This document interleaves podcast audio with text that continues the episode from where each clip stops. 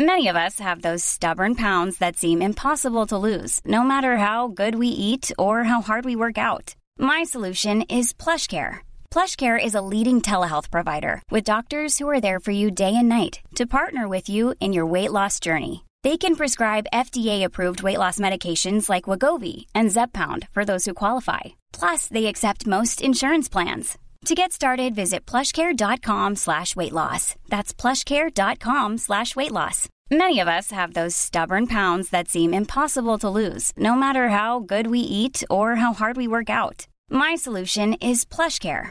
PlushCare is a leading telehealth provider with doctors who are there for you day and night to partner with you in your weight loss journey. They can prescribe FDA-approved weight loss medications like Wagovi and Zepbound for those who qualify. Plus, they accept most insurance plans. To get started, visit plushcare.com slash weight loss. That's plushcare.com slash weight loss.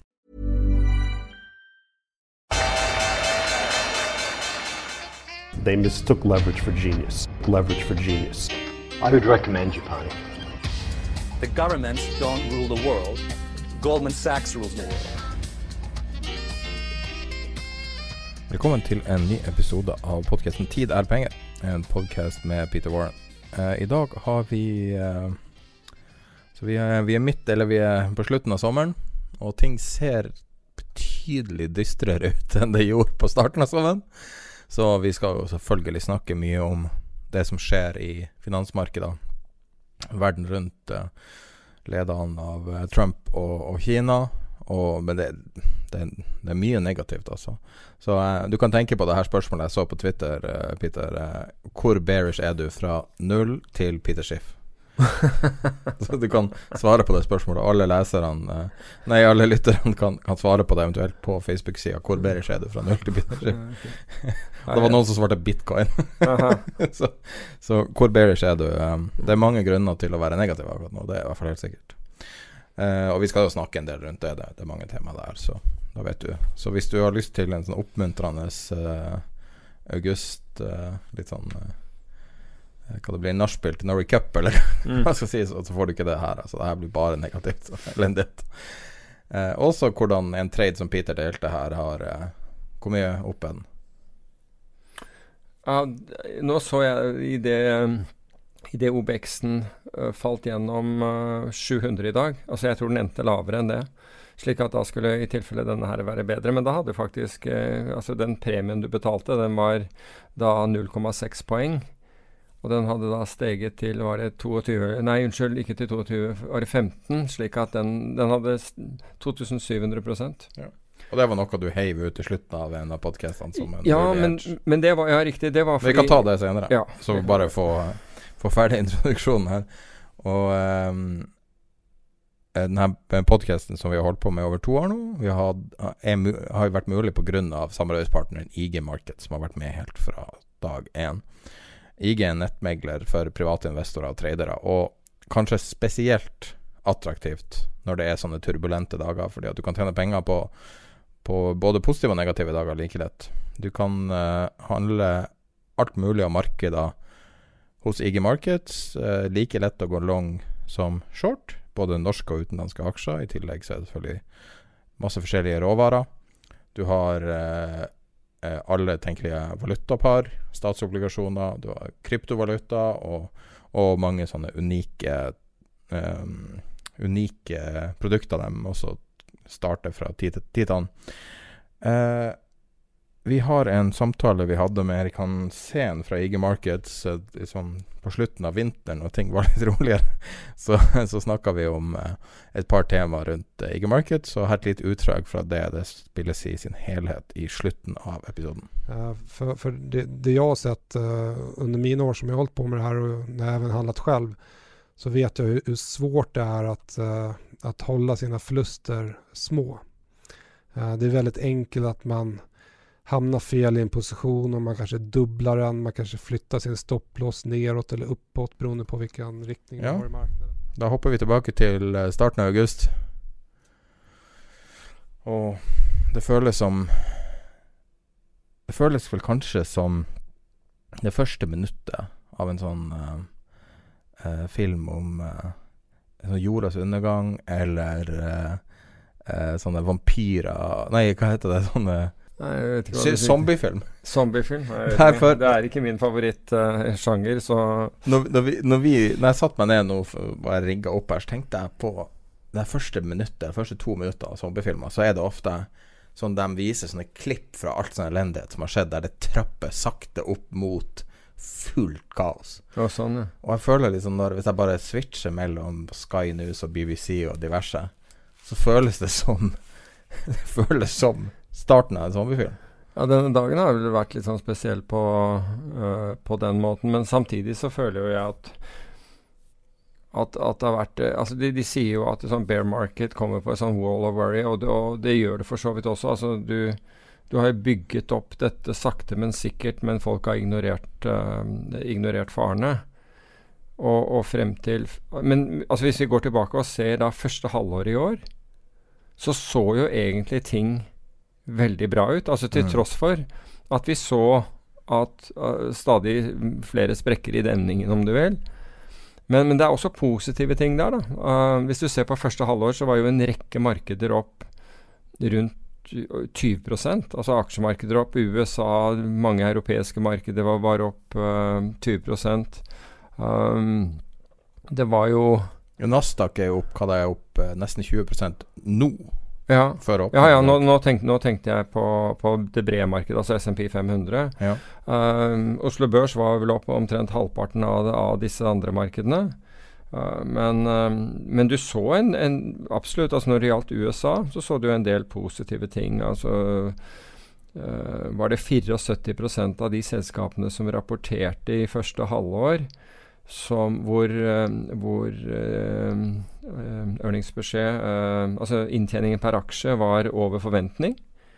60 ha- av selskapene hadde, hadde økt salg. Så for USAs del så var det jo mye, mye, mye som skjedde bra.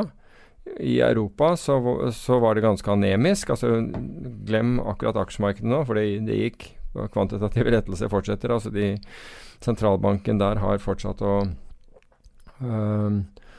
og, og, og pumpe opp ehm, eh, markedene ved, gjennom verdipapirkjøp. Altså det, det er, de, og, og nå, altså nå vil man jo begynne å, å dra til igjen. Så, så råvaremarkedene var positive. Altså hvis, hvis du tar Nå, nå har jeg vel ikke sett på dette helt fra toppen av, men jeg, jeg så så vidt i dag Jeg tror jeg så bitcoin være opp 216% i år. Og det var, det var så det holdt. Og så deretter var det bensin som var opp uh, Ja, ikke sant? Altså Yay. bensinprisen var opp 35, 35 Ja, det er veldig fint hvis Er du det mange som er lang bensinpris? ja, ja, du, ja, men det kan jo være det i råvaremarkedet, ikke sant? Altså, for all del. Uh, oljeprisen uh, over Altså i hvert fall øh, amerikansk olje var nesten 22 opp. Um, noe mindre på, på brentolje. Og det- Gull. Hva sier du? Gull. Gull, ja. Det er jo kanskje litt mer depressivt. Ja, ja, men gull var opp 15% så den var opp mer enn eh, mer enn, eh, Oslo Børs. Og liksom veldig mye så eh, så bra ut. Altså obligasjoner har gått fantastisk. Mm. Um, det som ikke gikk uh, Kaffeprisen var for øvrig falt uh, ned, ned igjen. Den var vel ned en rundt 4% eller noe sånt nå. Men apropos det. Du, uh, vet du hvor den dyreste kaffen i Oslo er?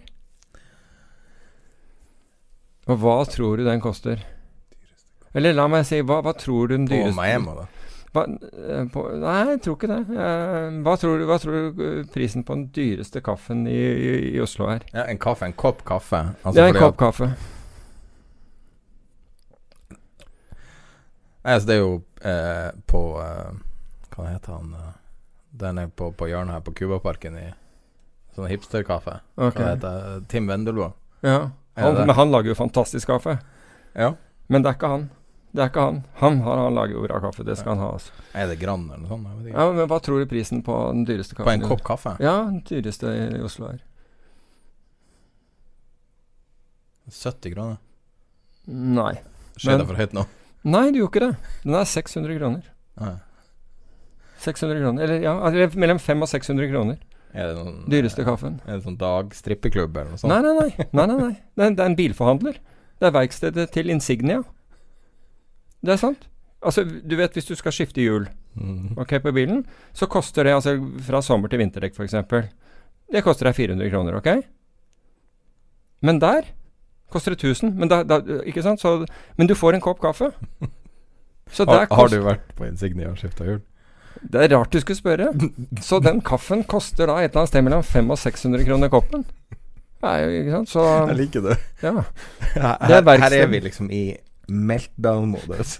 og du klager på hva det koster å bytte Du kan jo bytte dekk sjøl, da. Ja, altså du kan si Du kan, du kan dra til Dekknor og få, få bytte dekkene for 400 kroner, så det er ikke noe problem. Og, og de gjør en bra jobb òg.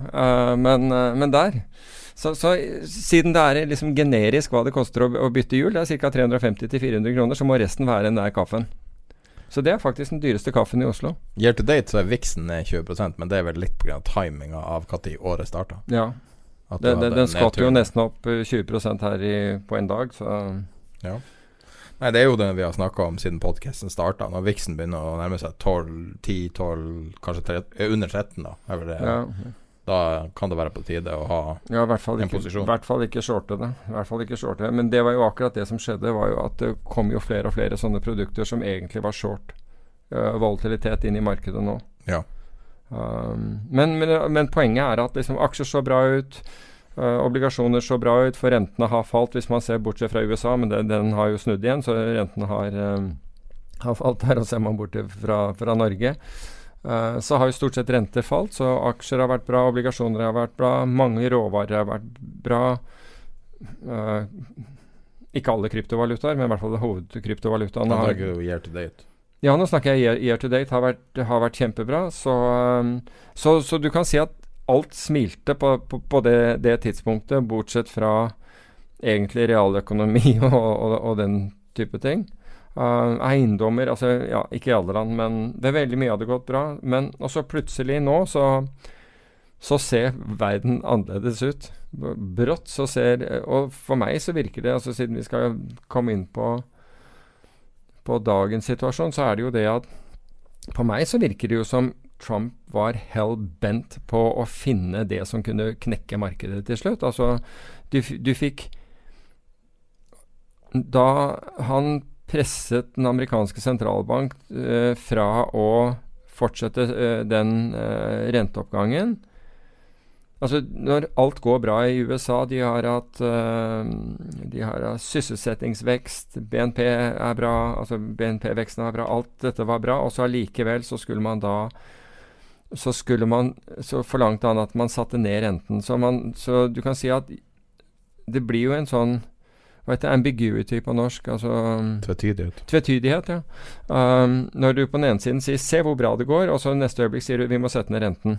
eh, fordi ting er så fælt. Det blir jo litt, det, det, det blir litt rart. Men i hvert fall så, så får man Da klarer man å å mobbe Fed, Fed, altså amerikanske sentralbanken, til å begynne å sette ned renten. Og Trump går ut og sier ja, jeg kunne tenke meg ja, f.eks. Altså dette er, dette er jo psykologisk ankring. 1% mente han. Men Fed sto imot og satte ned med en kvart. Og Fed sto videre imot ved å si at dette er ikke en begynnelsen på en på en, øh, øh, en sykkel hvor vi, vi setter ned renten. Men markedet klarte på en måte den biten der, og så skjedde det ikke veldig mye rundt, Ja, rundt det det. falt jo på dagen, da. Det, Det vi falt jo på dagen. det ganger, er jo ja, hva skjer når du reagerer negativt på Ja. Det her er ikke en kvantitativ lettelse, men likevel, altså. Nei, og, og du kan si at man, man, man snakket jo Man snakket jo Altså kvantitative lettelser dukket opp i diskursen også i USA. Den som, som, en, som, som noe som kunne være relevant. Men øh, så Og så kommer denne Rett før helgen så kommer denne Nå øker jeg tariffene, altså tollen, mot Kina med ytterligere 10 Um, og som nesten umiddelbart, da det ble kjent, ble det også kjent at finansministeren, Mnuchin, anbefalte han å snakke med kineserne før han gjorde noe sånt. Altså snakke, at Trump skulle snakke med kineserne, men, men her går det på Twitter, så, så det gikk rett ut. Og så, og så Og jeg bare lurer på Altså nå lurer jeg virkelig på om har han nå brukket noe Altså no, Til tross for alle disse tingene han har gjort, så har på en måte finansmarkedene klart å holde seg forbausende stabile, egentlig. Og så kan, men på et eller annet tidspunkt så er det jo det strået som brekker eh, kamelens rygg som, som, Jeg vet ikke, bruker man den lignelsen på norsk? Ja, i for bruker- dråpen som begeret til å renne ja, over. ok. Whatever. Ikke sant? Et eller annet som gjør at it cannot be fixed. Skjønner du? Du kan, du kan ikke mobbe uansett, Hvis du mobber Fed til å gjøre noe umiddelbare tiltak nå, så er At han har ødelagt Fed, er det du sier. Nei, at han har ødelagt mulighetene til å reparere. Skjønner du? At på et eller annet tidspunkt så, så begynner ting å falle på sin Altså på, øh, under sin egen vekt, da. Mm. Og da er det for sent. Men hva er vekt her? Er det, er det balance sheeten til Fed som plutselig folk begynner å, å kjenne vekta på? Fordi Altså- at du får Altså, ø- ø- vi kan ta noen fakta her, da, før vi går videre. Du har Jeg så noen som, som delte det på Twitter nå. Av all corporate gjeld, så var ca. på jorda, så er 10% negativ gilde nå. Eh, det var en som sa på Facebook-gruppa til podkasten at 40 av all investment grade-gjelda i Europa Ja, gilder negativ. 45, faktisk. Hele 45. Wow. Ja, gilder Altså, te, ja. Men hele gjeldskurven til Tyskland, det vil si alle durasjonene Ja. Altså, er, er, er, altså alt fra ei uke til sikkert Jeg vet ikke om det er 30 år, og og hvor langt de går, om det er 10 eller Men i hvert fall til 10 år. Uansett hvor lang gjeld det er, så er den negativ nå. Ja altså, Sveits sin hele gjeld, gjeldskurve er negativ. Amerikanske Ja, men Var det ikke noen som hadde, hadde 100-årsobligasjon som nå var gilda negativ, med, med 0,09? Altså, tenk deg det. Men, Men vi men vi må gå tilbake til hvorfor penger Hvorfor plasserer folk penger i obligasjoner som gir en negativ avkastning? Og det har også vært snakk om å, å se om det fantes muligheter for å gi negativ rente på bankinnskudd. mm. Uh, og så må vi spørre oss hvorfor vil man Hvorfor i all verden går du og kjøper en obligasjon som du vet Altså hvis du betaler Eller hvis du uh, låner bort uh, 100 kroner, Mm. så får du f.eks. 99 tilbake etter x antall år. Hvorfor gjør du det? Jo, du gjør det fordi du ikke tør, fordi du mener at alternativet, altså aksjer, er for risikabelt, så du tar ikke den sjansen. Så du sier at jeg vil heller tape 1% på fem år, eller 1% på to år, eller hva, hva det måtte være, enn 25 på, på ett år. For, og da, da blir det på en måte et meningsfylt alternativ. Det er kun når du setter det i en, en relativ begrep. Og så må vi også huske på at hvis du har, hvis du har La oss si at du har pengene i banken, og, og, eller i en obligasjon som taper penger, og markedene klapper sammen, altså aksjemarkedene klapper sammen, da øker du Altså du har tapt, du har tapt la oss si 1 og markedet skulle falle 20% da har du økt din relative kjøpekraft. Altså Hvis du nå går og selger dine obligasjoner, kjøper aksjer, så har du fått en vesentlig økt kjøpekraft til å kjøpe aksjer. Du får kjøpt 20% flere aksjer, rett og slett. ikke sant? Mm. Altså Har aksjemarkedet falt 50% så får du kjøpt dobbelt så mange aksjer som du kunne før. Så i det perspektivet it can make sense.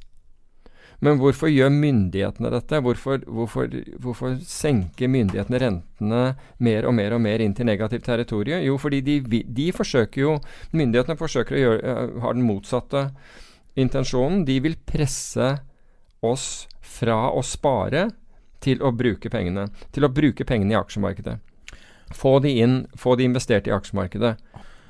Så ser du 14 000 milliarder dollar kjøpe noe som, som de tap, vet de taper penger på. Ja. For det første, hvem er de her folkene? Og, og hva ser de som, som vi ikke ser, som helt obvious? Men det, og så er det jo også Noen er, tvung, noen er tvunget til å gjøre det, ikke sant? fordi de har diversifiseringsregler som, som, gjør, at, for, som gjør at de må øh, kjøpe, kjøpe obligasjoner. Det er det ene. Uh, men det andre Men la oss si f.eks. Altså det, det man ønsker, det er jo at Altså det myndighetene ønsker, det er å tvinge deg Altså at du ser at åh, jeg klarer ikke disse negative rentene. Da putter jeg det i aksjemarkedet. Da putter jeg heller pengene i aksjemarkedet i håp om at dette skal gi en stor, stor eh, gi, eller gi en gevinst. Ikke sant? Det kan ikke være så gærent. Alle sier at aksjemarkedet over tid tjen, eh, sant, går bra og alt dette, så hvor gærent kan det være? Ok, så Dersom du lykkes med dette, da Altså, Man har ikke lykkes i Europa, det er helt klart, for der har man kjørt negative rente lenge. Og man har Og ja, aksjemarkedet har gått opp. Uh, takket være kvantitative lettelser, fordi man kjøper obligasjoner osv. Japan har gjort det samme. De har også kjøpt aksjer. altså Der har jo sentralbanken kjøpt aksjer. De kjøper ETF-er. altså de kjøper, Det er som å kjøpe en indeks av aksjer. Og, og, og, sendt markedet opp. Men hva er det du får ut av dette? Jo, det du får, er, er jo nettopp selskap altså hvis, hvis pengene ble tatt ut av obligasjonsmarkedet og dundret inn i aksjemarkedet, så resulterer du i at at du får Altså indiskriminerende penger. Altså du kan si folk er, bryr seg ikke om, om verdien av selskaper, utsiktene på selskapene. Altså det, det er bare dam money som går over. Hva får du da? Jo, du får bedrifter som ikke bryr seg. Altså Du får flyveideer som, som Altså du får noe à la, dotcom. Ikke sant? Du, det mer hair-brained ideen din er, det mer Altså, når du kan, eh, eh, når du kan eh, presentere en liten plastbit bit med noen kobbertråder som stikker ut på, på blå speilfløyel, um, og med, med diskomusikk i bakgrunnen, og så, så, kjøper alle det. Altså, skjønner du? Altså, du Idiotideer får penger. WeWork. Ja, men du får Altså, greiene er at kvaliteten på, nei, altså kvaliteten på bedriftene, kvaliteten på det som altså Hvis det er bare nok gærne penger der ute, altså penger som blir døtta inn i aksjemarkedet, så har du ikke noe sted å putte dem. Altså da, da, blir det liksom, da blir de puttet inn i altså Enten blir, er, blir bedriftene fullstendig øh, overpriset, med den konsekvens det har. Eller så puttes de inn, eller, eh, inn i selskaper som egentlig ikke fortjener penger i det hele tatt. Men du har ikke noe valg, fordi som pengene skal inn i markedet. Og, og du, får, du, får, jo ikke noe høy kvalitet uh, inntjening ut, ut, av dette. Du ender bare med at pengene forsvinner i et svart hull. Altså, eller ma mange av pengene forsvinner i et svart hull. ikke sant? Som aldri, ja, alla.com, ikke sant? Hvor, hvor liksom 60-70-80% forsvinner, altså går rett og slett konkurs, fordi de hadde ikke livets rett i utgangspunktet. Og dette kom jo av at hele hele bakgrunnen for dette er jo at man ikke tok oppgjøret etter finanskrisen. Vi lot være. vi Isteden så brukte, brukte, man bedøvelse. Altså man skjøt inn uh, man, man skjøt inn bedøvelse, altså penger, kvantitative lettelser, og tok ikke, tok ikke oppgjøret. Mm. Og så fortsetter vi å gjøre det, og nå vi, har vi muligens nådd en eller annen form for grense. Nå får vi se om, om, om Trump klarer å trekke en ny kanin opp av hatten. Ja, uh, men det er interessant at du sier at han har At han har gått så langt at det er liksom irreversible. Ja, altså jeg vet ikke, men, men, men det er det jeg spør meg nå. Altså Kan det være at han har gått så langt at, at ting imploderer bare på egen Altså Det er rett og slett tyngdekraft. Du kan, du kan komme med hva du vil, men nå har det liksom begynt Altså nå har den snøballen begynt å, å rulle, så det stopper ikke. Men det, ser du det bildet? Nå har jeg dratt opp et chart mens du snakka. Mm. Peter snakker om .com. Har du fått med den IPO-en som har vært nå for noen to måneder siden, tror jeg? Hvilken var det? Chewy.com. Nei. Som er da basically en blåkopi av pets.com, som var da symbolet oh, oh, på dotcom. Ja, okay, ja, det er IPO-en ja. nettopp. Okay. Se, på, se, på, financials på det bildet jeg viser deg nå. Ja. Se på financials der. Det er den beste illustrasjonen jeg har sett på lang tid av kvaliteten på firmaet nå. Mm. Topplinja Vox og bunnlinja vokser i feil retning. Ja, eller, se, se, på den grafen. Ja, Har du sett noe tydeligere bilde av en drittbedrift enn det ja, det er uh, Ja. Det her er IPO-er, verdt masse penger. Men ta f.eks. Altså Beyond Meat. Nå er jeg veldig for at man, man finner alternativ til kjøtt. Bare så det så jeg har ikke noe mot det i det hele tatt. Men jeg vet ikke om erter er alternativ? Nei, det vet jeg ikke. Det vet ikke jeg heller. Jeg har ikke tatt stilling til det. Men, men jeg bare sier sånn prinsipielt så syns jeg det er, det er greit. Uh, men, men stiger 800, var det 866 og så på én dag På én dag så er 25 borte. Mm -hmm. På én dårlig dag så faller en fjerdedel Way up, da. Hva sier du? Det er fortsatt ja, ja, ja, ja. Jo, men du, hør her. Jeg, jeg er positiv til det der greiene. Jeg, absolutt. Jeg syns det, det, det, er bra. Men poenget mitt er på én dag så taper se, du en Se på financials på det, da. En, ja, for, for, Samme jævla bilde. Ja, det, taper du en fjerdedel av, uh, av uh, verdien. Mm. Så det er jo noe Så dette eksperimentet sant, som alle har advart mot, um, nemlig disse kvantitative lettelsene av en størrelse som verden aldri har sett Det kan være at vi nå ser Altså nå til tross for at USA og selskapene der har, går bra osv., og, så videre, og har at, at, vi nå ser at liksom du, du, kan ikke ha noen som, ved, ved, roret som sitter på en måte og, og beslutter ting helt på egen hånd uten noen Altså Han bruker ikke sine, sine nærmeste rådgivere engang. Ja, for, man har jo blitt altså Vi har holdt oss ganske borte for Donald Trump siden ja, altså siden vi starta podkasten. Mm. En og annen gang så har vi tatt opp noen ting, og så er det liksom Det blir liksom som å sitte og latterliggjøre han, eller Altså det, det går ikke an å ta det på alvor, liksom. Og så, er, så vet jeg at vi har lyttere som, som, også, som støtter Donald Trump og virkelig Absolutt. hater at vi snakker negativt om det. Men nå var det på tide å ta opp Hva er konsekvensen av å ikke tenke på konsekvenser? Ja.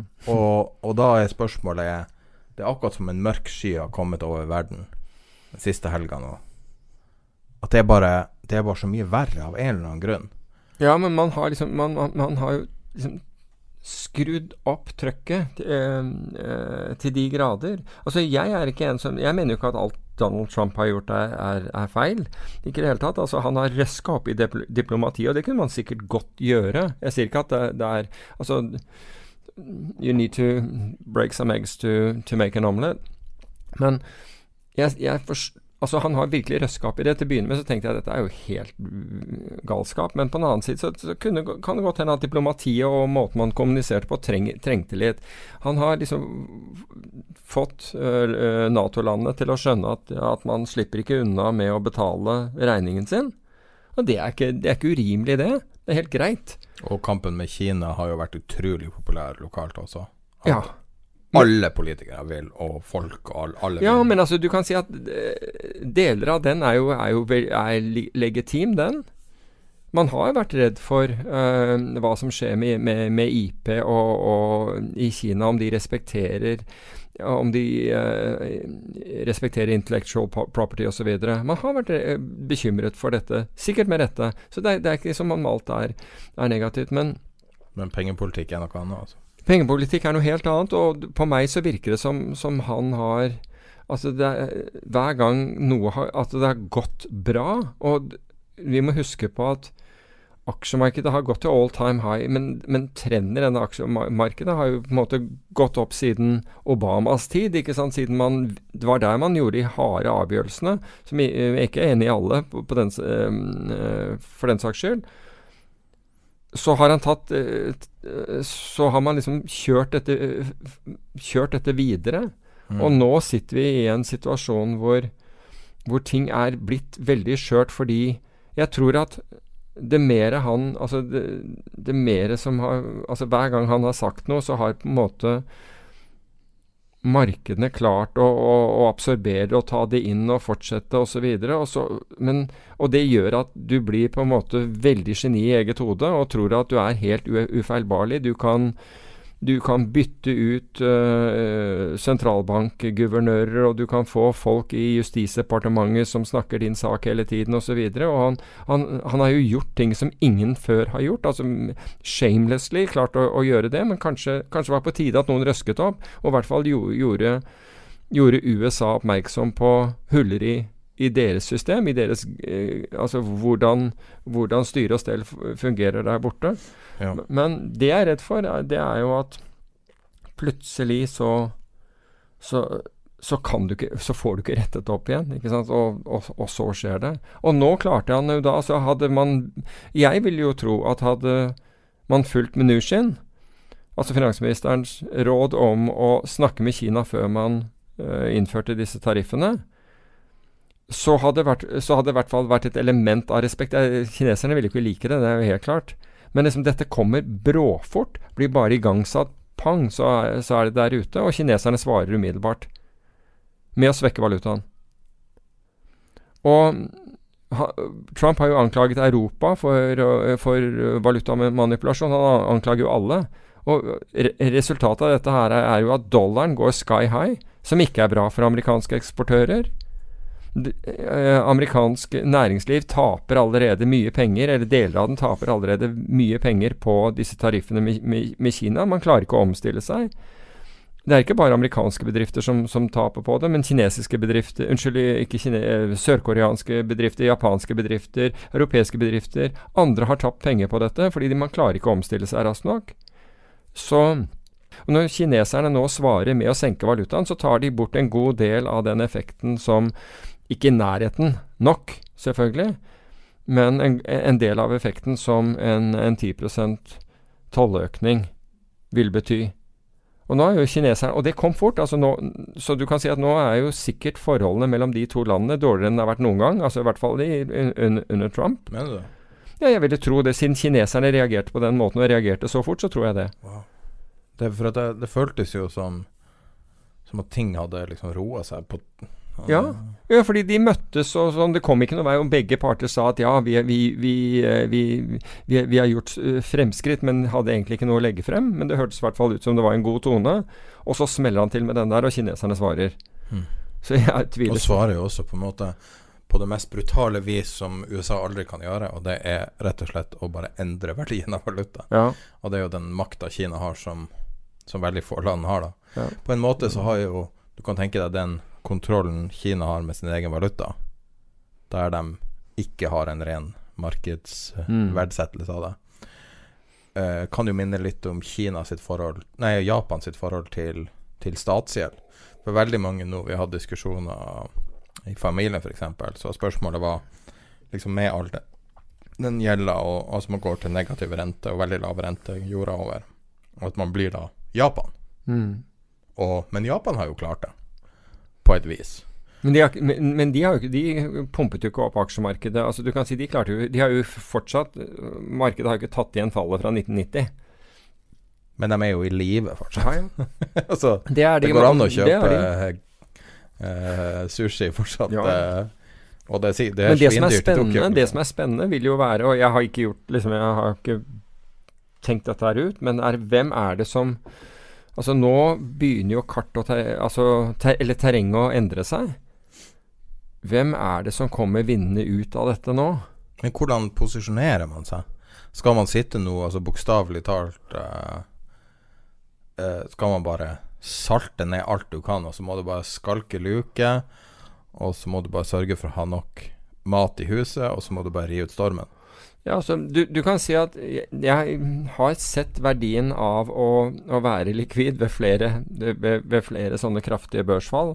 Og hvis, hvis du er likvid da, altså du, og da mener jeg ikke det at du har et godt forhold til banken din, fordi når, når, ting ser usikkert ut, så var ikke det forholdet så godt som du trodde. Og, det, og, og lånesøknader tar plutselig veldig lang tid. Og rammelån stopper. Og Nettopp. ikke sant? Plutselig stopper det, og det, alt er vanskelig. Men hvis du faktisk har penger på bok, så kan du Altså, da, da, det er jo en sånn helt utrolig situasjon å være i for, for, de som er tålmodige. Og apropos det, du spurte meg i sted hva var det du hva, var mellom et eller annet og Peter Schiff, hva var det eh, Og hvor Bearish er det fra null til Peter Schiff? Ja, ja, men du må kunne finne noe som er null, da. Ja, men altså, hvor mye er eh, hvor Bearish Og svaret mitt på det er Warren Buffett. Og, hvor, og, og hvorfor det? Fordi han, han, har, han har 122 milliarder dollar på bok nå. På bok? På bok. Han er det på ja, bok. 122 milliarder dollar på bok. Sånn er det å være forsikringsmann. Ja, men ikke sant. Altså, han har jo en stor aksjeportefølje, men han har 122 milliarder på bok.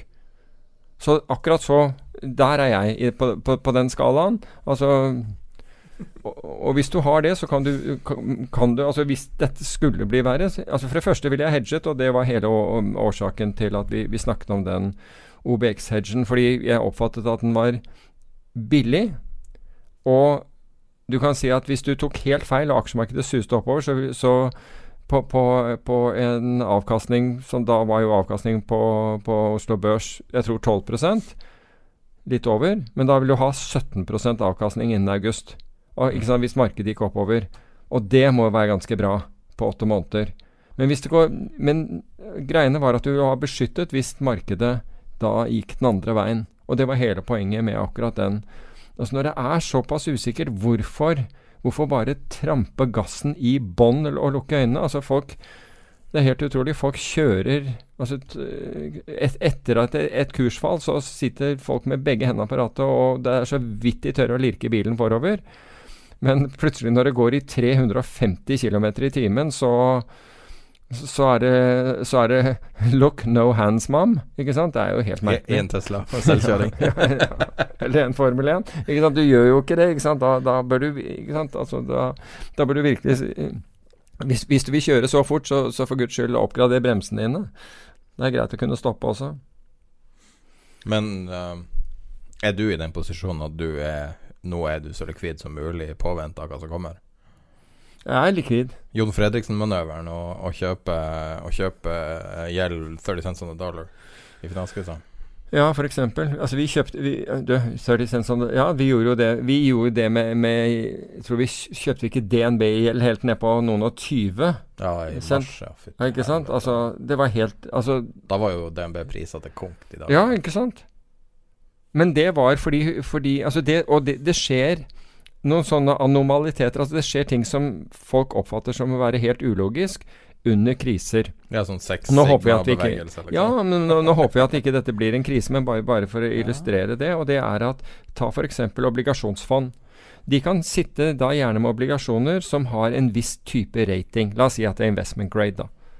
Og de kan ikke sitte La oss si at et obligasjonsfond ikke kan sitte med obligasjoner som er ratet under investment grade. Så da har de statsobligasjoner, og de har investment grade-obligasjoner som er den nest høyeste ratingen. Altså første um, uh, den, den, mest solide ratingen du kan ha på, på, på selskapsobligasjoner. Ja, over triple B, er det ikke? Ja, også, men, og, men hvor, hvor jeg vil hen, det er at hvis da kursen på disse faller, så få, La oss si at kursen på disse faller, da, da stiger jo renten. Så får du plutselig en implisitt rente på disse, som ikke er investment grade lenger. Som er kan, kanskje da uh, high yield. Plut det er samme obligasjonen, samme selskapet, men plutselig så kan ikke disse fondene sitte på denne obligasjonen. Jeg trodde det måtte re-rate. Nei. Det er, altså, det, den automatisk, altså, du kan si at du kan ikke ha investment grade hvis du f.eks. har 12% rente. da. Det er jo ikke investment grade. Da er det jo implisitt at du ikke er det. Og så kommer nedsalget. Og det var jo det vi utnyttet i, i, i 2008, og mange andre også. Det var Altså, ingenting var sikkert. Du visste jo ikke hvor dette skulle ende. Men det var jo nettopp den type ting som skjedde, hvor du kunne kjøpe ting ekstremt rimelig. Og Det er interessant. Det er um da, Men det er greit å Du må kunne skjønne mekanikken i i obligasjonsmarkedet hvorfor ting blir som de blir. For hvis, hvis du ser på kursen så tenker du å herregud, denne her går jo i konkurs. Det er jo helt klart. Ellers ingen ville selge på denne renten. Og så hører du kanskje at det er et stort rentefond som selger, og da tenker du å, nå er det over. Men faktum er at de har ikke, de har ikke anledning til å sitte på gjelden, fordi, fordi den implisitt har nå en helt annen rating.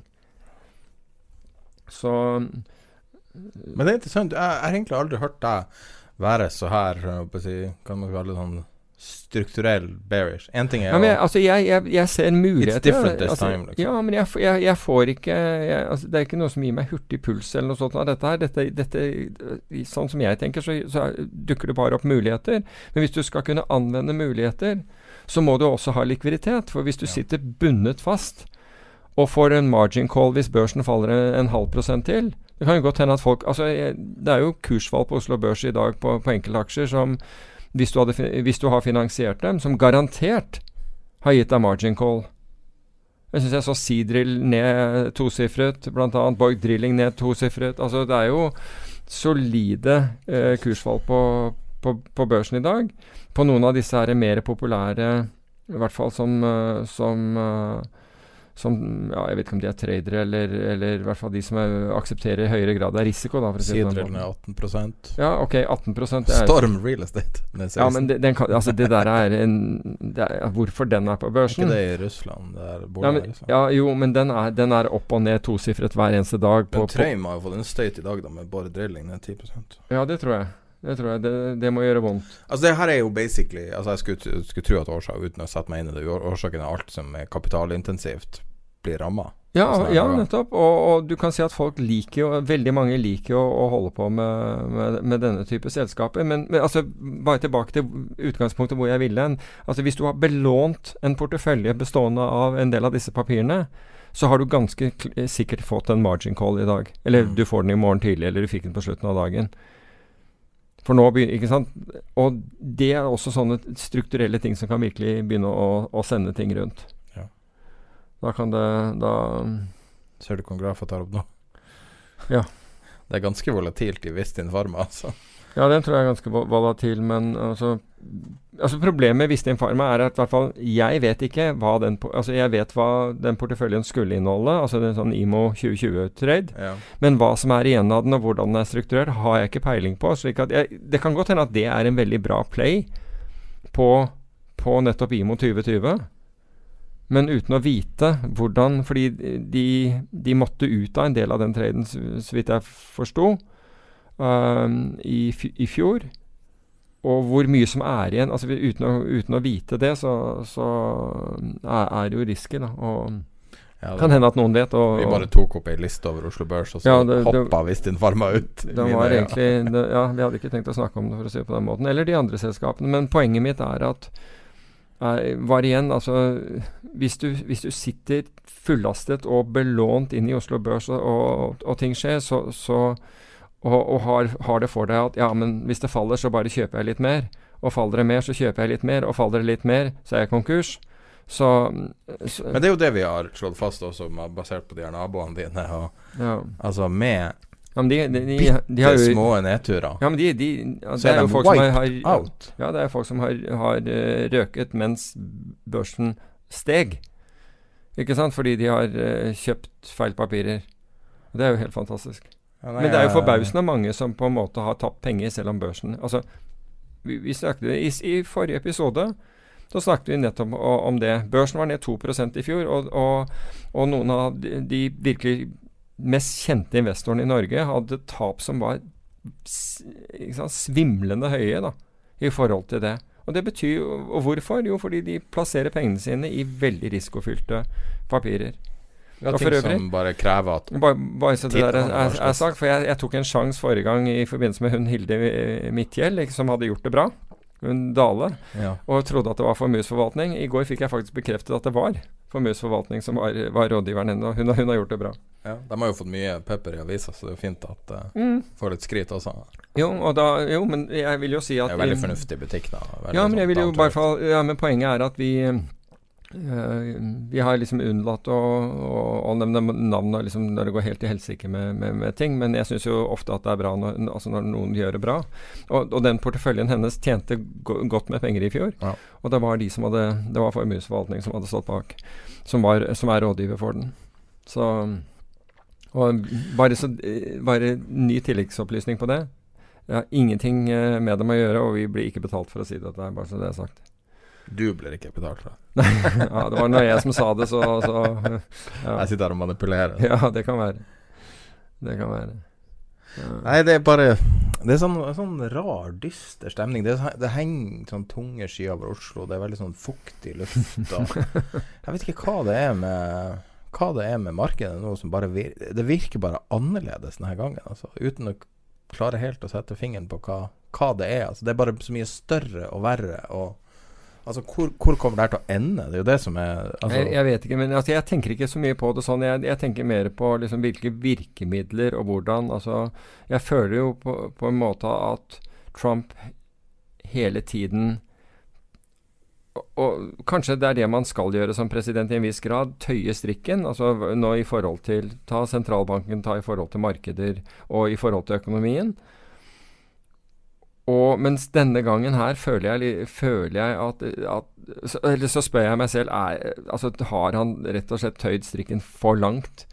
Og, og du kan ikke gjøre en quick fix med å, ah, med, med å, å mobbe sentralbanken eller gjøre noe så Dere må gjøre noe umiddelbart. ikke sant? Altså prøve å, å, å snu det.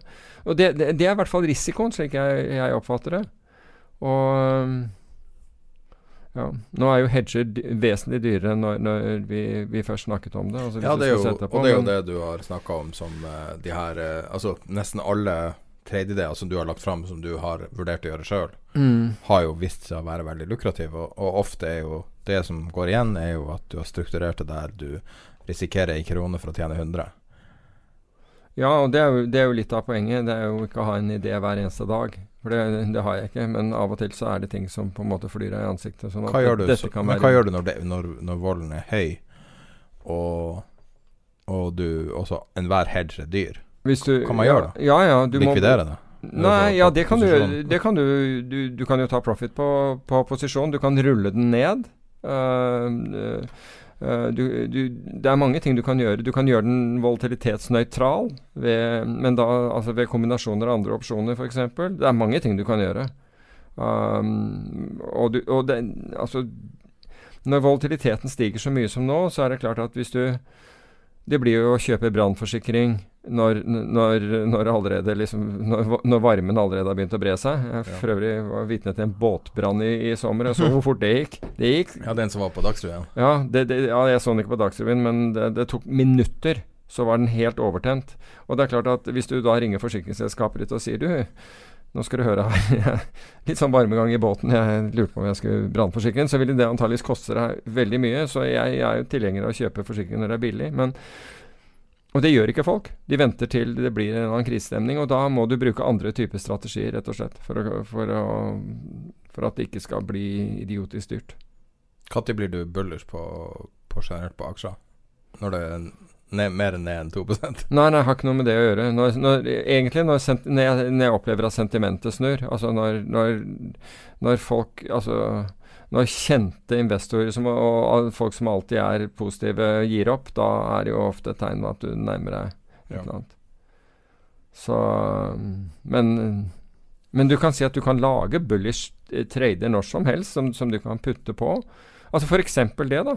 Altså Nå som volatiliteten er høy, de har pumpet opp prisen på alle opsjoner, så går det an å gjøre bullish trader til oppsiden. Som er for hva Altså Alt annet like, så øker volatiliteten på opsjoner. Altså opsjonsprisingen øker. Den implisitte volatiliteten øker, og dermed øker opsjonsprisene når markedet faller.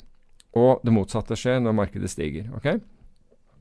Slik at hvis jeg nå skulle gjøre trader til oppsiden og eh, tenke at dette er jo en kjempekjøpsmulighet, så vil jeg gjøre det med, med, med, med opsjoner, men da vil, vil jeg antageligvis være short volatilitet samtidig. Sørge for at jeg var short volatilitet samtidig. For da får jeg det, effekten av det. For hvis, hvis markedet da stopper, begynner å stige igjen, så faller volatiliteten brått. Så, jeg, så, så det vil jeg utnytte på den måten. Er det tilfeldig at Runestone Capital la ned akkurat nå? Nå putter jeg litt ordene i munnen din. Ja, Akkurat når volatiliteten begynner å stige igjen. Uh, det, det, dette blir jo litt grann som, uh, som Hugh Henry, ikke sant, på, på en måte. Men, men også Runestone Capital ble jo Altså Det er jo egentlig ikke et, Et norsk, norsk- et norsk Ja, det er jo det er jo ikke et norsk fond. Fordi altså Rune Madsen er norsk, og jeg så den artikkelen i Var det på E24 i forrige uke eller uken før? Eh, hvor de nå legger ned. Jeg, jeg så nemlig at de ikke hadde, hatt, at de ikke hadde gitt inn eh, månedsavkastning på noen måneder nå, og det er aldri et bra tegn.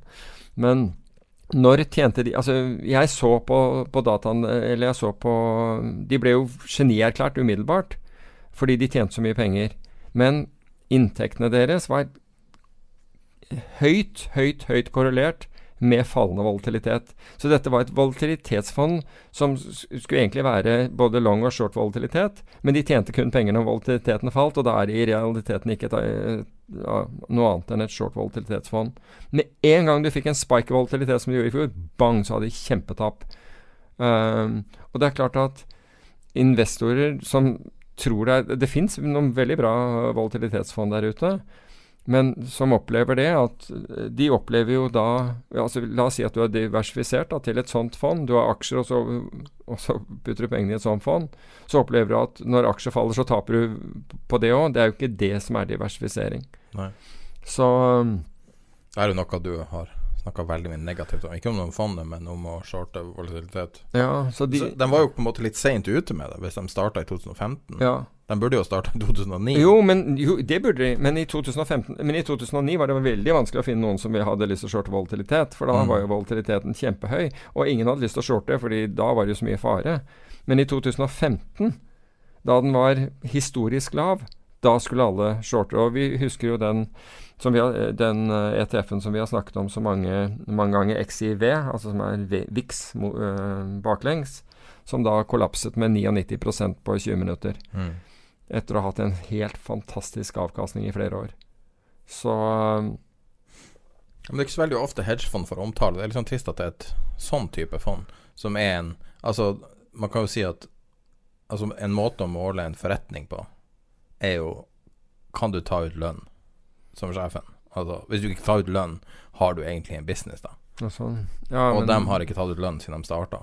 Men, Så på en måte- ja, men det kan jo være fordi du, ønsket å beholde mest mulig penger i, i selskapet. Jeg vet ikke hva Selvfølgelig. som var Men det er jo selvfølgelig grunnen. Men altså, det går jo ikke Ja. bra når du ikke tar ut lønn. Men, men, altså, men ja, de, det var, altså, de vant jo priser med veldig, veldig Altså, de hadde utrolig kort uh, track record da, Ja. de, da de begynte å vinne priser. Ja, angivelig. Ja, nå har ikke jeg sett hvilke det var, men det var referert. Og jeg syns jo det nesten var rart at du, at du vinner priser når, når du omtrent akkurat har startet fondet. Det er jo, det er jo godt gjort, men, uh, Nei, men det, det tenker jeg at altså, Men- men- De prisene, who cares? Det er jo avkastninga Ja, ja, ja. og hva du tjener. Men folk er blitt så utrolig ukritiske, for, for, altså takket være Igjen, gå tilbake til den store syndebukken i dette her, som er kvantitative lettelser. De er blitt så ukritiske til avkastning. Ingen som ser på hvor er det denne avkastningen skapes. Er, Mm. altså, hva er det som er hva er farene hvis jeg putter pengene i fondet? Hva er risikoen min i, i, i, i, i for, ved, ved forskjellige strategier? Og Det er inntrykk av at folk ikke brydd seg. De har bare sett på Å, siste ukes avkastning, den var jo fantastisk. Det kjøper jeg.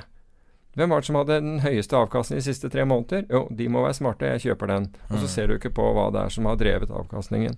Og det, er- det er et problem. Generelt problem. Men det er jo altså Når du, vi begynte å snakke, liksom Vi gikk fra Trump rett over til små selskap og stappe penger. Men det er på en måte Alt er jo ett bilde. Det er jo Ja. bare det at altså, du, du hadde eh, I 2003, 2004, 2005 så hadde du ting med te- teknologiselskap med vanvittig høy kvalitet. Du hadde børsnoteringer til Google, senere til Facebook og, og de her tingene som obviously genererer enorme verdier, som har snudd opp ned på verden og alt mulig. Og så hadde du Apple med hele den iPhone-oppturen og kvalitet, kvalitet, kvalitet. Og så har du bare sakte, men sikkert erodert bort enhver mulighet til å tjene penger. På en måte så er det det er blitt veldig vanskelig å være næringsdrivende, fordi at alt er arbitrert bort. Så enhver fordel du kan ha ja, Du har uh, mitt anbud som har ødelagt for alle, alle, håndverkere, fordi at alt, alle prisene er bare pressa ned til ingenting, sånn at de blir erstatta av uh, the, the lowest bidder, alltid. Og, og det som har vært en bransje liksom, i hundrevis av år, relativt stabil, plutselig da blir skvisa til ingenting. Ja, men Og- dette er jo Stephen Hawking, ikke sant, igjen. Altså, han sa det riktignok om om, øh, om øh, kunstig intelligens. Altså, han, ikke, han, han sa det enten er det verste for menneskeheten eller det beste for menneskeheten. Han, han, var usikker. Og det er jo det, det med den teknologifremgangen også. Altså, det har kommet så fort at, at næringslivet rett og slett ikke klarer å tilpasse seg. Altså, tenk deg Uber, liksom. Ja, eksempel. Hva er Uber? Det er taxi, liksom. Og hva er Airbnb? Det er et hotell. Altså Og så tenker Ja. du Eller er det, er det det, eller er det logistikkbedrifter? Jeg vet ikke. Ja, altså, Det er, det er mitt mye mer enn en taxi. Ja, men Poenget mitt er at Og det, er egentlig ikke så stor innovasjon. Hvis du setter kontra første gang du tok på en Mm. iPhone Ja. fra de gamle telefonene, så var det bare tenkt sånn Det var et, et kvantesprang på alle måter. Og, og, og det var sånn value proposition som var så stor. Så da er spørsmålet her om at QE også har Altså du har fått Du har akselerert fram alle mulige slags produkter, og ting har virka som at det, Altså droner, f.eks., som kom Mm. Ja. ut av intet og ble et fantastisk produkt, og nå allerede er liksom modna og liksom avleggs nesten på, på noen få år. Så har du de elektriske sparkesyklene som Ja. Altså, men alle de tingene som har kommet, som vanligvis aldri ville ha funda hvis det ikke var gratis penger. Mm. Men, men når, når vi snakka før vi skulle ta opp episoden i dag, eh, så var det litt sånn den der følelsen av ja, Trump har faktisk kanskje ødelagt alt. Og da er spørsmålet hva kommer Hvordan ser verden Hvordan ser det neste ut? Altså, Fra ditt ståsted. Jeg, jeg, tror, altså jeg, jeg tror ikke at det ville bli enorme Eller det kan bli en, en, en del ting, fordi det er mye som skjer nå, bl.a. Innenfor, innenfor finans. finans er, mange av de store finansforetakene, altså banker, har jo tilpasset seg og, og jobber kraftig med å, å tilpasse seg. Um, så jeg, tror at Problemet er å henge med. ikke sant? Problemet er, er rett og slett å kunne henge med den innovasjonen som er. fordi den dekker jo ikke Den har vært så rask. og det, det, altså Du bare ser på bare, se på, på, på Oslo altså som miljøhovedstad og, den biten der. Veldig bra, men liksom det har vært så raskt at mange bedrifter ikke har klart å henge med. De vet ikke hvordan Altså, de, de, de får ikke kunde De har ikke det samme kundegrunnlaget de har, om de har kundegrunnlag. Altså, ting har skjedd så veldig fort. Og vi har ikke forsøkt å At det virker så brutalt, etter min oppfatning. Det virker så brutalt at vi ikke sier at ok, dette her kommer jo helt sikkert til å ramme hvor mange, og så gjør man en analyse av det. Istedenfor å bruke pengene på, på, å feire seg selv, så kunne man f.eks. brukt kjøpt en analyse av det, og så sier ok, la oss gi da disse 300 bedriftene, 3000 bedriftene, whatever it, it takes, overgangsordning er sånn. Det er helt klart. De har ikke regnet med dette her når de har investert, så vi må gi dem en begrenset tids overgangsordning. Men nei, isteden så bare kutter man det, og så, øh, og så, må du slite med den der gjelda du har, og du, du, du, klarer ikke å få det til. Vi snakket, jeg husker ikke om vi snakket om dette på forrige podkast, men jeg tror vi gjorde det. Var det Platekompaniet? Hvor ja, ikke sant? Nettopp den ene gründeren. Eh, ene gründeren, ikke sant. Eh, han, eh, han eh, cashet inn og, og, og, og, solgte aksjene sine til den andre, og den andre ikke sant? Du blir ikke kvitt Uh, CD, du får nesten begynne med vinyl igjen, ikke sant? for det er hvis vi kommer tilbake. Men fullstendig overkjørt av, av streamingtjenester. Det som er fantastisk, syns jeg, i, i, denne innovasjonen, er at folk kommer opp med ideer og ting som du aldri ville ha trodd du kunne tjene penger på. Det var ikke noen som dro inn tre millioner kroner på å spille Fortnite. Dollar. Det, ja. Dollar. Det er turnering. Ja. Han må være lykkelig i dag hvis han ikke har veksla inn ennå. Jo, jo, men du kan si at Hud F ville trodd at det var mulig, ja. Altså plutselig så, så Altså, det vi gjør, er at vi Men det er jo bare å være stjerne, på en måte. Man kan jo si at det har jo alltid vært verdifullt å være stjerne. Jo, men stjerne Men altså Det er jo bare Men det er noen som klarer å, å utnytte et spill, da. Eller, eller, noe annet. Altså, du, det dukker jo opp nye næringer. Jeg, jeg vet ikke om ja. spill kan kalles en næring. Det tror jeg faktisk det kan. Eh, men, på grunn av underholdningsverdien så vil jeg jo si at det i veldig stor grad har erstatta TV for ungdom. Ja, det kan godt hende. Så, sånn sett er det ja. næring. Men, men plutselig så, så, dukker det opp ting, ikke sant. Og vi, vi tjener pengene våre på noe helt annet. Eh, som Podkast. ja, eh, ja, eksempel podkast, blogger, hva det, hva det måtte være. Men, men du kom Altså, jeg hadde jo ikke trodd det. Ikke, ikke det hele tatt, men, du må, ha, men altså, du må ha en stor evne til tilpasning. Og så hører du veldig mange ikke har det. altså Du snakker med, med mennesker, og de blir helt fortvila. Og det går helt i svart, fordi de får ikke til noe som helst. Og så prøver du å ringe en sånn uh, en kundesenter. God help me, jeg forsøkte det forleden. Å ringe kundesenter i en bank. Og da skal du For det første får du liksom 29 valg med tast dette, tast dette, og når du kommer til den, så skal du taste ny. Ikke sant? Må snakke i DNB, ja. så må du si det du skal. Det, ja, det var akkurat det det var. Og så kom det liksom Her er 14 nye valg, og så går du gjennom de, og så ikke det. Og så når du endelig har funnet det derre Ja, si hva det dreier seg om.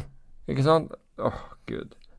Men du drev, du drev sånn uh, kundeoppfølging av DNB i Facebook-gruppa, der det var opsjonsdesken.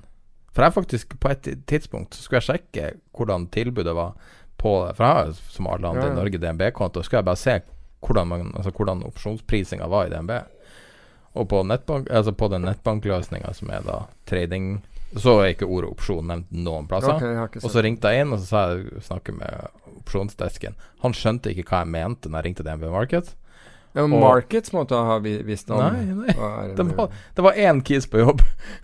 så jeg ville bare lurte på hvordan, hvordan de prisa, og altså hvor de fikk prisene sine fra. Det var sånn på, på amerikanske opsjoner. da Uh, og jeg bare, ga opp, liksom. Ja, bare Venter du prøver å ringe Storebrand Bank og spørre etter valuta? Og så får du høre Men det var jo en kunde også. Jeg skal, DNB, og... jeg skal kjøpe noe dollar. Nei, han har fridag. Men du, er det mulig? Men du hjalp jo en really? kunde til å finne, finne fram til opsjonsdesken. Ja, ja, fordi altså, jeg, jeg, ble jo provosert når jeg hørte at uh, Ja, ikke sant. Det samme så, som jeg opplevde også. Så den, så jeg tenkte her skal du Ja, det var kanskje litt, u, litt usmooth å putte, putte, på navn og, og telefonnumrene til, til.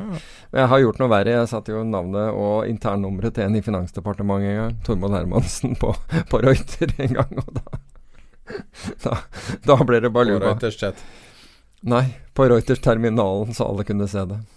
hva du mener? Altså sånn at uh... yes, ja, de, de hadde stanset opsjonsmarkedet. Plutselig stanset de opsjonsmarkedet. Og alle ble, jo sure på meg. Vi var jo marketmaker i opsjonsmarkedet. Ja. Ja, så jeg uh, skrev da på Reuterskjermen at uh, man skulle ringe da det, dette nummeret.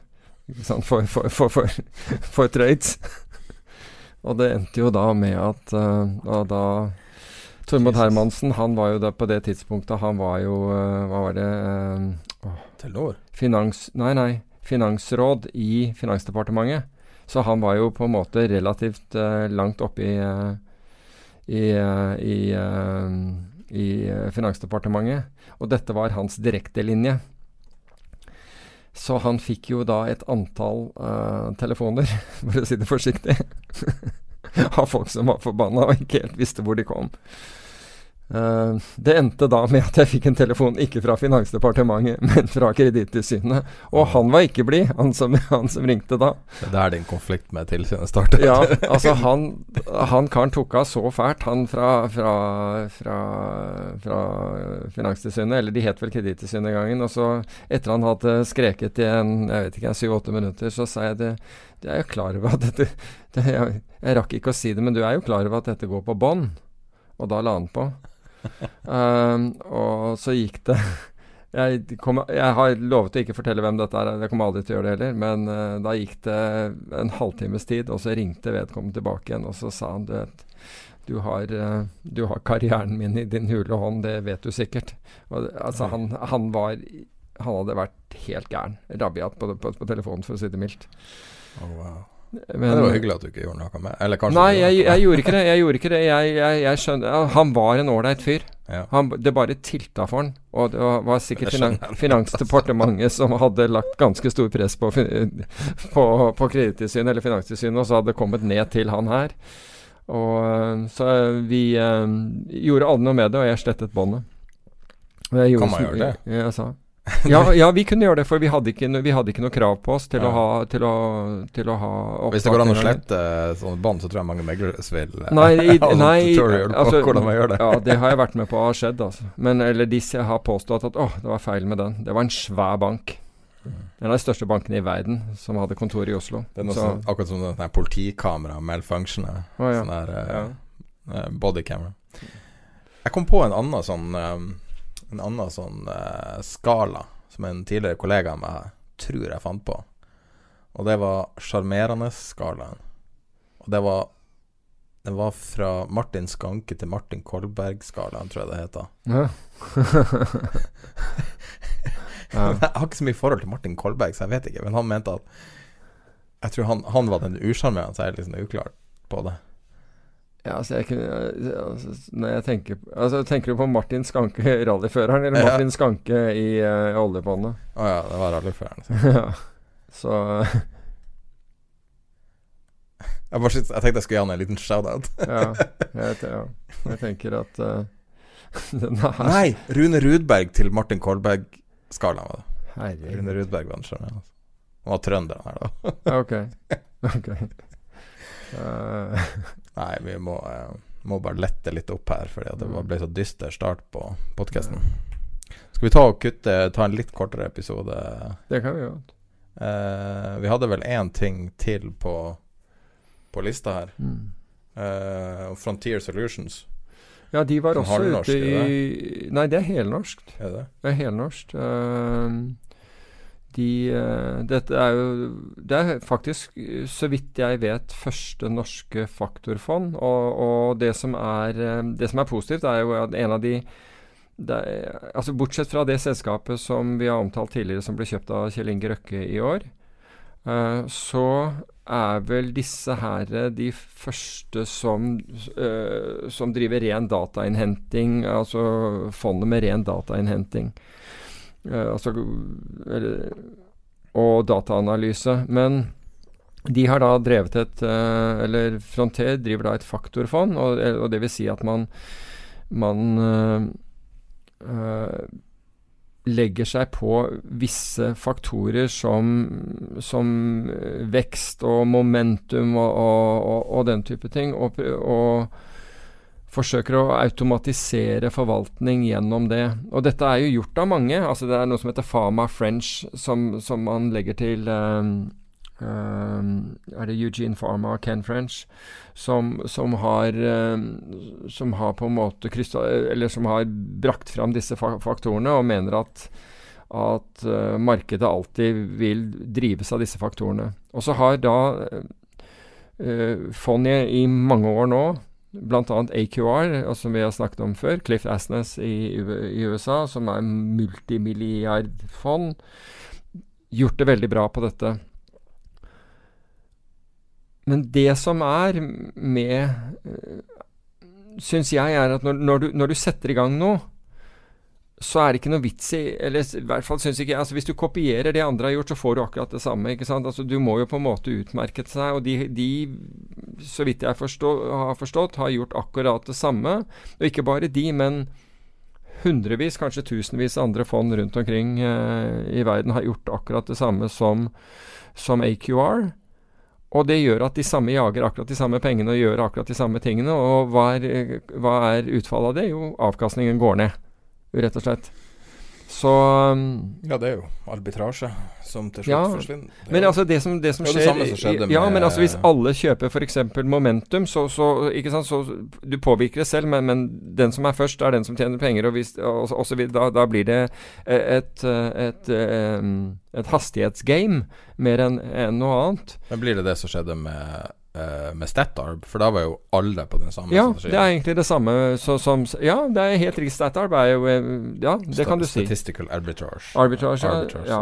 Og greiene var at alle drev da og så etter akkurat det samme. Og det, det samme er her, og det gjør at faktorfond plutselig har liksom falt ut fra liksom å være superpopulære til å ikke klare å tjene like mye penger som, som markedet. Dette er longfond, bare så det er sagt.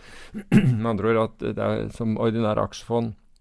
Men jeg tenker jo at og det jeg savner, er at når du, når du først gjør datavitenskap og dataanalyse og, og, og dette, så, så, må det jo være at du prøver å finne unike ting. Ikke det, som, altså, ikke det som alle andre Det som er opplest og vedtatt og alle andre gjør, fordi da, da blir du aldri bedre enn alle andre. Mm. Du kan være billigere. Det, det, kan være en fordel. Men, men det er alltid en fa... Altså, du, igjen går det på, på, din evne til å fornye deg. Så nå blir det jo spennende, fordi de har hatt, eh, i hvert fall ifølge en annen artikkel jeg så, så har de hatt uh, mye innløsninger. Så får vi håpe Men de hadde visst hatt noe positiv tegning i, i, år. Men så får vi håpe at de klarer å, å, å, på en måte endre litt tankesett, eller i hvert fall endre litt hva, hva de gjør, slik at de kan bounce back. Fordi Norge trenger folk som gjør gjør noe nytt, men, men, det nye kan ikke bare være nytt i Norge og, og håper å si kom eller få i alle andre land. Du må, du må, på en måte fornye deg, altså klare å tenke helt nytt igjen. Jeg håper jo at i hvert fall at de, de klarer seg. For jeg har, jeg har stor tro på det, men, men altså når, når, legger du vekt på den ene kontra den andre faktoren? Og jeg har, jeg har ideer om, om, om, om, sånne ting, hva du skal bruke for å prøve å, å finne ut om det ene er er populært, eller, ja, eller om det stille eller ikke. Det samme spørsmålet som jeg har stilt deg flere ganger før, både her og ellers. Uh, når du legger fram, liksom som en ettertanke, legger fram en trade, en hedge, da, som du kalte mm. det, men det kan jo like gjerne være en trade, uh, som nå Hva du sa den var opp? Hva da? Den OBX. Uh, og den, den, altså i forhold til premien du betalte, 2700% Ja, så du har det, og så vi har tatt opp ganske mange forskjellige trade-ideer som vi da sitter og bare plundrer over. Mm. Altså som Det er ikke noe anbefaling på noe som helst vis, og nei, nei. det kommer aldri fram som en anbefaling. Mm, Men da er jo spørsmålet igjen og igjen Er du frista til å gå tilbake til en form for forvaltning? Og det er ikke noe du har planta fra jeg skal nei, si. Nei, nei, det er noe jeg genuint lurer på. Nei, altså du, du, kan si at jeg jeg, har, jeg, er jo glødende opptatt av markeder. Jeg er glødende opptatt av, av av endringer og, og, og dette også, også, Men jeg tror at jeg tror du har mye større sjanse for å, å, å, å, gjøre det bra hvis du ikke hver dag driver og ser på, på skjermen altså sånn som, og har det presset på deg at 'jeg må tjene penger i dag'. Altså 'jeg må mm. finne et eller annet som, som går i dag'. Jeg tror, jeg tror det er um, Jeg har luksusen av å mene noe når jeg, jeg føler en eller annen uh, sterk conviction. Og slippe om igjen noe ellers. Men når du er fondsforvalter, så, er- så spør folk deg hele tiden. Men går det an å ha kopp... øh, Går det ikke an å Ja, du kan- det her, sånn copytrading eller et eller Nei, annet? altså, altså jeg, jeg, har, jeg har fortsatt tro på en sånn Best Ideas Fund er, er, er er eh, mulig å gjøre. Hva Og med ville være, premium nyhetsbrev? Hva sier du? Premium nyhetsbrev? Ja, nei, men vil, vil det være mul Nei, mulig å gjøre? liksom. Altså, Men jeg har, jeg har klare ideer liksom. hvordan man, man, man kunne gjøre noe sånt nå. Det har jeg faktisk. Jeg har ideer om hvordan du, man kunne sette opp og gjøre noe sånt nå. Hvorvidt dette, det har investor appeal eller ikke, det vet jeg ikke. Og så må, må du da ha anledning til å, til å på en måte investere i Du kan ikke Du må ha et veldig bredt mandat og, og, og, og, og linjer. F.eks. hvis du ville ha 3% av porteføljen, 5% av porteføljen din i krypto, så må du kunne gjøre det. Og det må kunne gjøres trygt. Altså slik at, det ikke, at eh, pengene dine blir ikke sittende i en eller annen eh, børs som blir borte over natta og sånne sløve ting, men at, at du har eh, cold storage og, og den type ting. Altså dette går over på minnepinner som frakobles alle datamaskiner og Altså du må ha et bredt mandat. Det er ikke det at man skal være i det mest eksotiske, men av og til er det, er det steder der hvor du, du kan tjene penger. Um, og du må, du må kunne f.eks. utnytte opsjonsmarkedet. Du må ha anledning til det. Så det er en stor papirmølle. Og i dag, med altså, den reguleringen som finnes altså når, når, når hedgefond med 14 milliarder dollar til forvaltning sier at dette gidder jeg ikke mer, når vi gjør om dette til Vi hiver ut alle investorene og, og, og gjør dette til et family office, så, så blir man ikke akkurat oppmuntret. Man gjør ikke det. Det er en en vanvittig papirmølle. Du skal gjennom regulering av fullstendig tatt av. Det har jo Pre jeg sier det, premium nyhetsbrev. Ja, premium nyhetsbrev. Sånn som ja. Boom, Doom and Gloom, eller hva det heter. Nei, det er Doom, Boom and Gloom Eh, Hva er det han heter igjen? Han, det er han sveitseren som sitter, er sitter i Rubini, Thailand, er det ikke det? Nei, det er ikke Rubini. Det er, uh, det er en sveitser som sitter i, uh, som sitter i Thailand, som skriver det derre um, ah, Han er et kjent navn, men det er bare ja, Det var noen som ville at jeg skulle være med og spleise på det her. Det var Mark Faber. Mark Faber. Han er lenge siden jeg har hørt. Ja, men, men altså han har, uh, Mark Faber ha- ha- er jo en fyr som har mye ålreite ideer, for så vidt. Og det, det er akkurat som Kyle Bass. ikke sant? Du kan høre Kyle Bass, og, tenk, og så tenker du altså Bare høre på han. Og ikke nødvendigvis ta den, den traden eller det som Kyle Bass er i ferd med å gjøre, men, men bare høre på retorikken hans og argumentasjonen hans og tenke mm, Nå, vet du hva, jeg kan gjøre det ut av det. No, noe helt annet enn det han sier, men, men det appellerer til deg, det han sier, og så ser du en mulighet som, som er annerledes enn den han ser, da. Um, og det er det derre å ikke ha det presset på seg så, uh, hele tiden. Så du må Altså Hvis jeg skulle gjort noe sånt nå, så ville jeg hatt, hatt pengene stående i renteinstrumenter, obligasjoner og den type ting. I Norge er jo fortsatt det positiv uh, avkastning. Enn så lenge.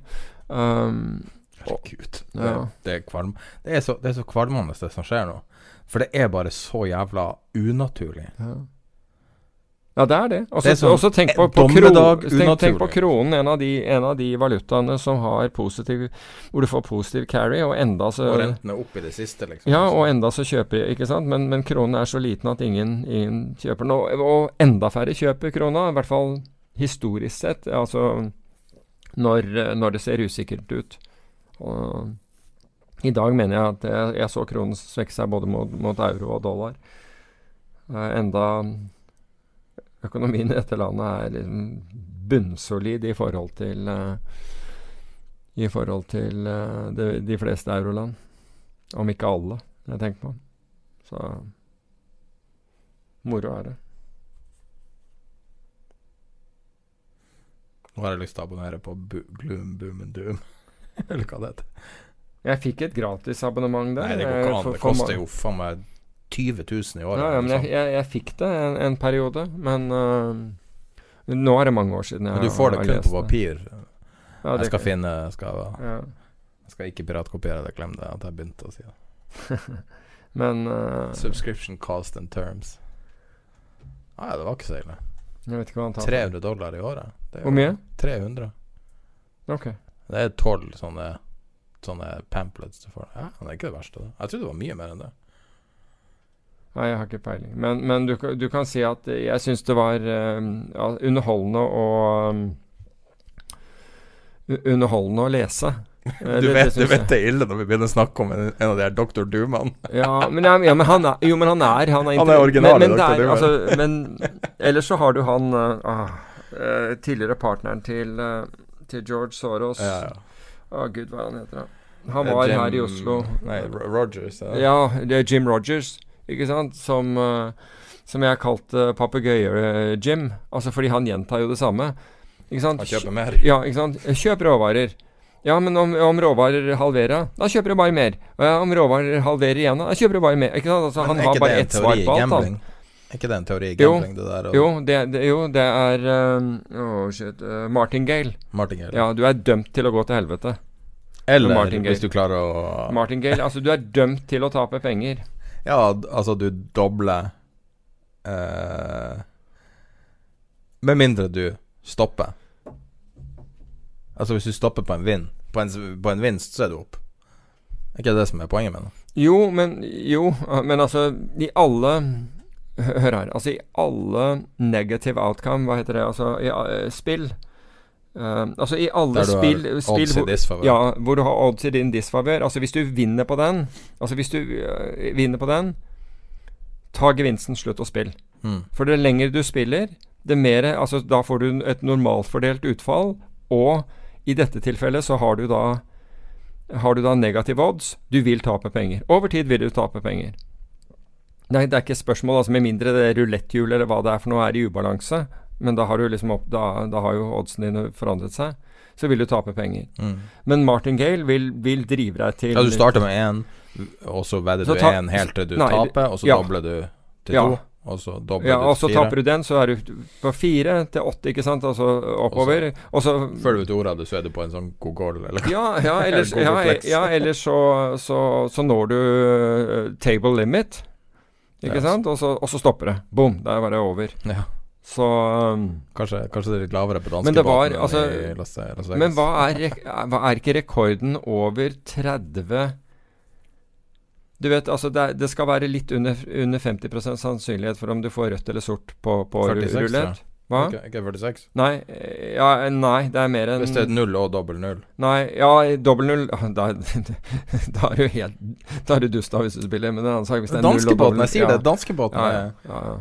Det er lykke Det er en stund siden jeg har vært med Lykke danskebåten og spilt. spilt eh, Jeg tror jeg til. vant. Ja, da, ja, men da håper jeg Og virkelig i Monaco er det Altså, hvis- hvis også dobbel null, tror jeg. Altså. Nei.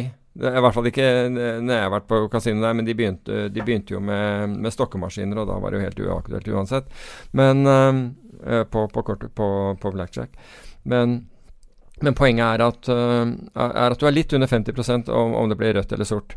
Men, men det sagt, så var det vel et kasino i USA så jeg var, jeg var noen og 30 ganger hvor rødt kom etter hverandre, eller noe sånt, og blakka jo alle som var der. Det var helt sjukt. Så Martingale will kill you, altså. Så Ja, hvis du er på svart og, og du står der og dabler og dabler. ja, ikke sant? Ja, ja, ja, ikke sant? Ja. Nei, men det, altså, det, er jo, det er jo ikke så usannsynlig at det skjer, egentlig. Fordi at det er en Nei, isolert og det er, det er ganske usannsynlig at, det, altså at, at du går inn i akkurat det, det kasinoet hvor det skjer. Men du kan jo få en rad av det der. Altså, jeg, jeg har sett eh, jeg har, Blant annet i blackjack, jeg har sett hvor, eh, hvor eh, hvor reglene er veldig rigorøse for hva dealeren kan gjøre. Mm. Altså, det, det gir ikke noe Ok, Skal vi snakke litt om din Nei, tidligere karriere? nei, nei, nei. Men, nei, vi- men poenget der jeg, jeg, har, jeg har sett jeg, Peter har vært profesjonell gambler, Nei, men vi skal utsette dette senere. Ja, det bare, må vi gjøre. bare Men jeg, men jeg hvert fall. Jeg har bare sett Jeg så, så en dealer dra så mange blackjacker at det var insane.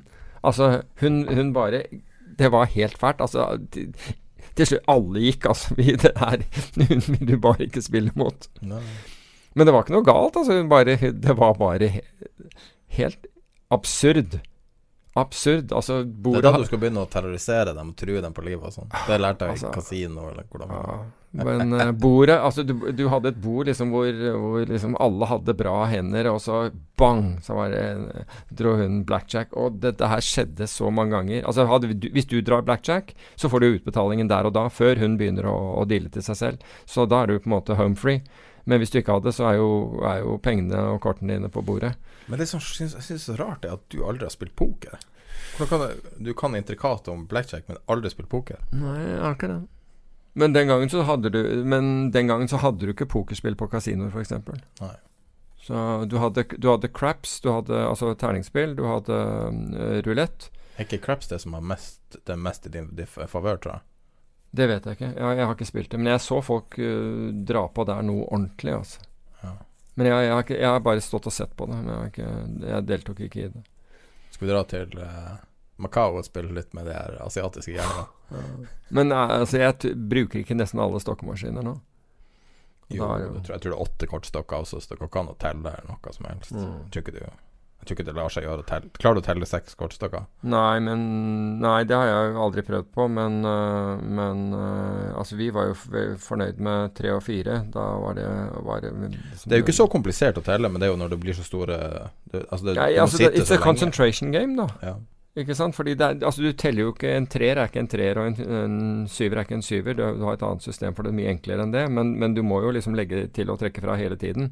Mens dette Er er ikke det at du legger på én når du tar, eh, når du tar bort et uh, bildekort? Så tar du pluss én, eller noe sånt?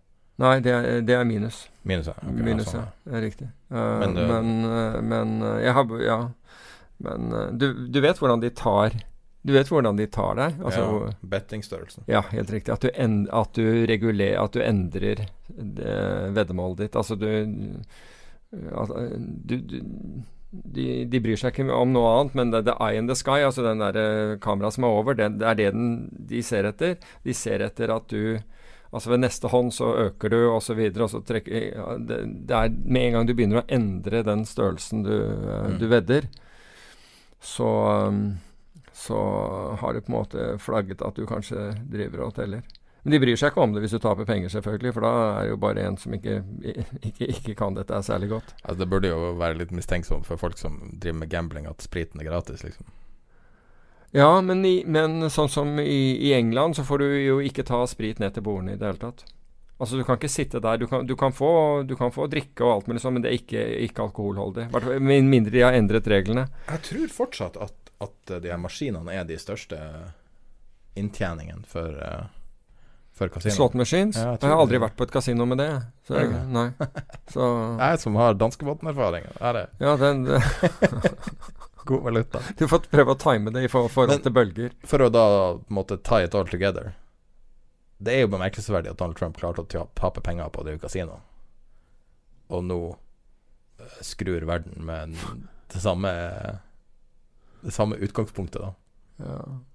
ja, han gjorde jo faktisk det. Men er han den eneste som har, har klart? Altså, det, altså Alle vil jo ønske å være et kasino, men det koster jo sikkert å, å sette opp dette her òg. Det er alltid det. Men det artige med denne diskusjonen om gambling er jo at hvis du bare endrer ordene, så er det finans. Veldig mye. Jo, men det er jo et usikkert utfall. Altså, Ja. det, er det, er jo det samme. 46 Altså, eksempel. Altså det er jo typisk hvor Hva er din uh, conviction? Ja. Din conviction uh, på traden? Mm, Å risikere ei krone for å tjene 100. ja. Det er jo alltid det du vil. Det er alltid det du vil, men det er veldig, altså, veldig mange Ja, men, men det, er, det er jo mange ting her. Det er jo akkurat som å sette stopplåsen for nær, ikke sant? slik at du blir slått ut av en tilfeldig bevegelse. Kanskje den vanligste feilen folk gjør, akkurat med stopplåsen. At Ja. du er for redd for å tape, og så Ja. mister du hele bevegelsen. Nettopp. For, men da putter de den så nære at, det, at Altså Hvis du setter stopplåsen din så nære at det er bare en tilfeldig bevegelse, en helt normal bevegelse som slår den ut, da, da er du liksom på 50-50 eller under det fordi du betaler k- kurtasje. Så du må jo, den må jo være på et fornuftig sted. Men så sier folk ja, men hvis jeg flytter den for langt unna, så, så taper jeg for mye. Ja, da må du ned i bettingstørrelse, rett og slett. Da må du senke liksom innsatsen din, slik at, at det ikke gjør deg vondt Mm. uh, at, at stopplåsen din går. Men den må jo være på et, et sted hvor den ikke hvor det ikke er helt Altså en, bare en minste bevegelse imot deg eh, tar den ut. Og jeg har sett masse av det. Og i sommer så har jeg fått mye sånn der Messenger full av folk som Å, gud, hva gjør jeg nå? Jeg har 50 øre fra stopplås eller noe sånt. Hva As, de as sier if I know. før stopplåsen hitter, og så Ja, sitter ja, og liksom, ja og jeg, jeg tenker på å doble. Er det lurt? Uh, as if I know. Nei, Du kan vel svare og si at nei, det er ikke lurt. Nei, jeg sier at jeg, det, jeg har ikke, jeg har, dette har jeg ingen formening om. Det er det jeg Ja, men du har ikke lov til å svare på det. Nei, men jeg har ingen formening om det. Ja, men du har ikke lov, du har ikke konsesjon. Nei, altså, nei og, men jeg, jeg svarer at jeg har ingen, ingen formening om det. Og jeg, Mm. altså, selv om du hadde hatt konsesjon, så burde du heller ikke ha noen formening om det, for å si det på den måten. Jo, men det jeg tenker altså, som en sånn generell regel å, å putte gode penger etter dårlige, er vel en, generelt en dårlig idé. Ja, men det er forbausende mange som har gjort det. Men derfor, altså, antall martingale-tilfeller i Norge er mange, altså. Hvis du går tilbake igjen og, og, ser i historien, så vil du se veldig mange blåste ut på martingale. Uh, og de navnene husker, du, husker, du ikke nå, men de var i Det var store Ja, de er i hvert fall godt kjente i finans. Det jeg lurer på, er når, når man er gjennom den neste store syklusen, hvor mange av de store superstjernene er borte? Hvor mange er på The Poorhouse? Ja. Hvor mange var ikke så smart, de var bare tok bare masse risk. Ja. They mistook leverage for genius. On that note så tror jeg vi avslutter dagens episode. Uh, beklager hvis den ble litt dyster, men uh, det er overskya og høy luftfuktighet i Oslo, så vi får skylde på det. Uh, vi avslutter med den forhåndsannonserte samtalen med Erik Hansen fra IG Markets.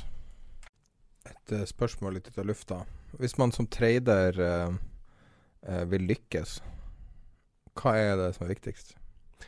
Jeg tror det absolut viktigste er disciplinen, At man har en tydelig handlingsplan eh, innan man börjar handla Og hele tiden vet hva man skal gjøre om positionen går åt fel håll. Eh, for, for det, det, jeg har sett eh, under mine år som jeg har holdt på med det her, og når jeg har handlet selv, så vet jeg hvor vanskelig det er å holde sine förluster små. Eh, det är väldigt enkelt att man hamnar fel i en position och man kanske dubblar den, man kanske flyttar sin stopplås neråt eller uppåt beroende på vilken riktning man har i marknaden. Uh, och att man blandar in sina, sina känslor i sin handel och tar irrationella beslut. Uh, så det är jätteviktigt att man kommer i kontakt med sig själv, kommer i kontakt med sina känslor. Många brukar säga att man ska koppla bort sina känslor från sin trading. Det tror jag är helt fel för att alla beslut vi tar är baserade på en känsla. Så att det gäller att liksom lära känna sig själv och veta vad man har för svagheter och vad man har för styrkor. Och försöka hitta en, hitta en edge i marknaden såklart. Det er jo kommet en del nye regler og det har kommet en del nye beskyttelser. Så du er jo mye, er mye tryggere når du handler med CFD-er nå eh, enn du har vært før. Og en av de tingene som er, eh, er at man, det er umulig å tape penger du ikke har satt inn på kontoen. Mm. Som er det uh, dere kaller på det svenske kontoret som er negativt skydd. Alltså du är beskyddad för, för att gå in minus. Kan du fortelle litt mer om det? Ja, precis. Uh, man kan säga att CFDs är en produkt som er veldig lik uh, futures. Uh, traditionellt så var det ju oftast att professionella aktörer handlar, handlar futures. Det handlar med en margin. och både då på futures og CFDs så finns det då en möjlighet att man hamnar på negativt balance. Eh, men nu har ju då ESMA som den europeiska tillsynsmyndigheten eh, gått in och reglerat eh, branschen lite grann. Och en sak de har gjort det är att de har gjort så att det är omöjligt att hamna på negativt balance för en icke-professionell kund. Och det är då IG som står för den risken. Så att, och det är också lite högre eh, marginkrav nu än än vad det var tidigare. Så att man behöver stoppa in lite mer pengar. Men eh, det här med negativt eh, kontoskydd då, det är jättebra för, för kunderna eh, att ha det som en trygghet. Att man kan aldrig förlora mer än eh, insatt kapital. Alltså, Men det är tekniskt omöjligt att det går ju an?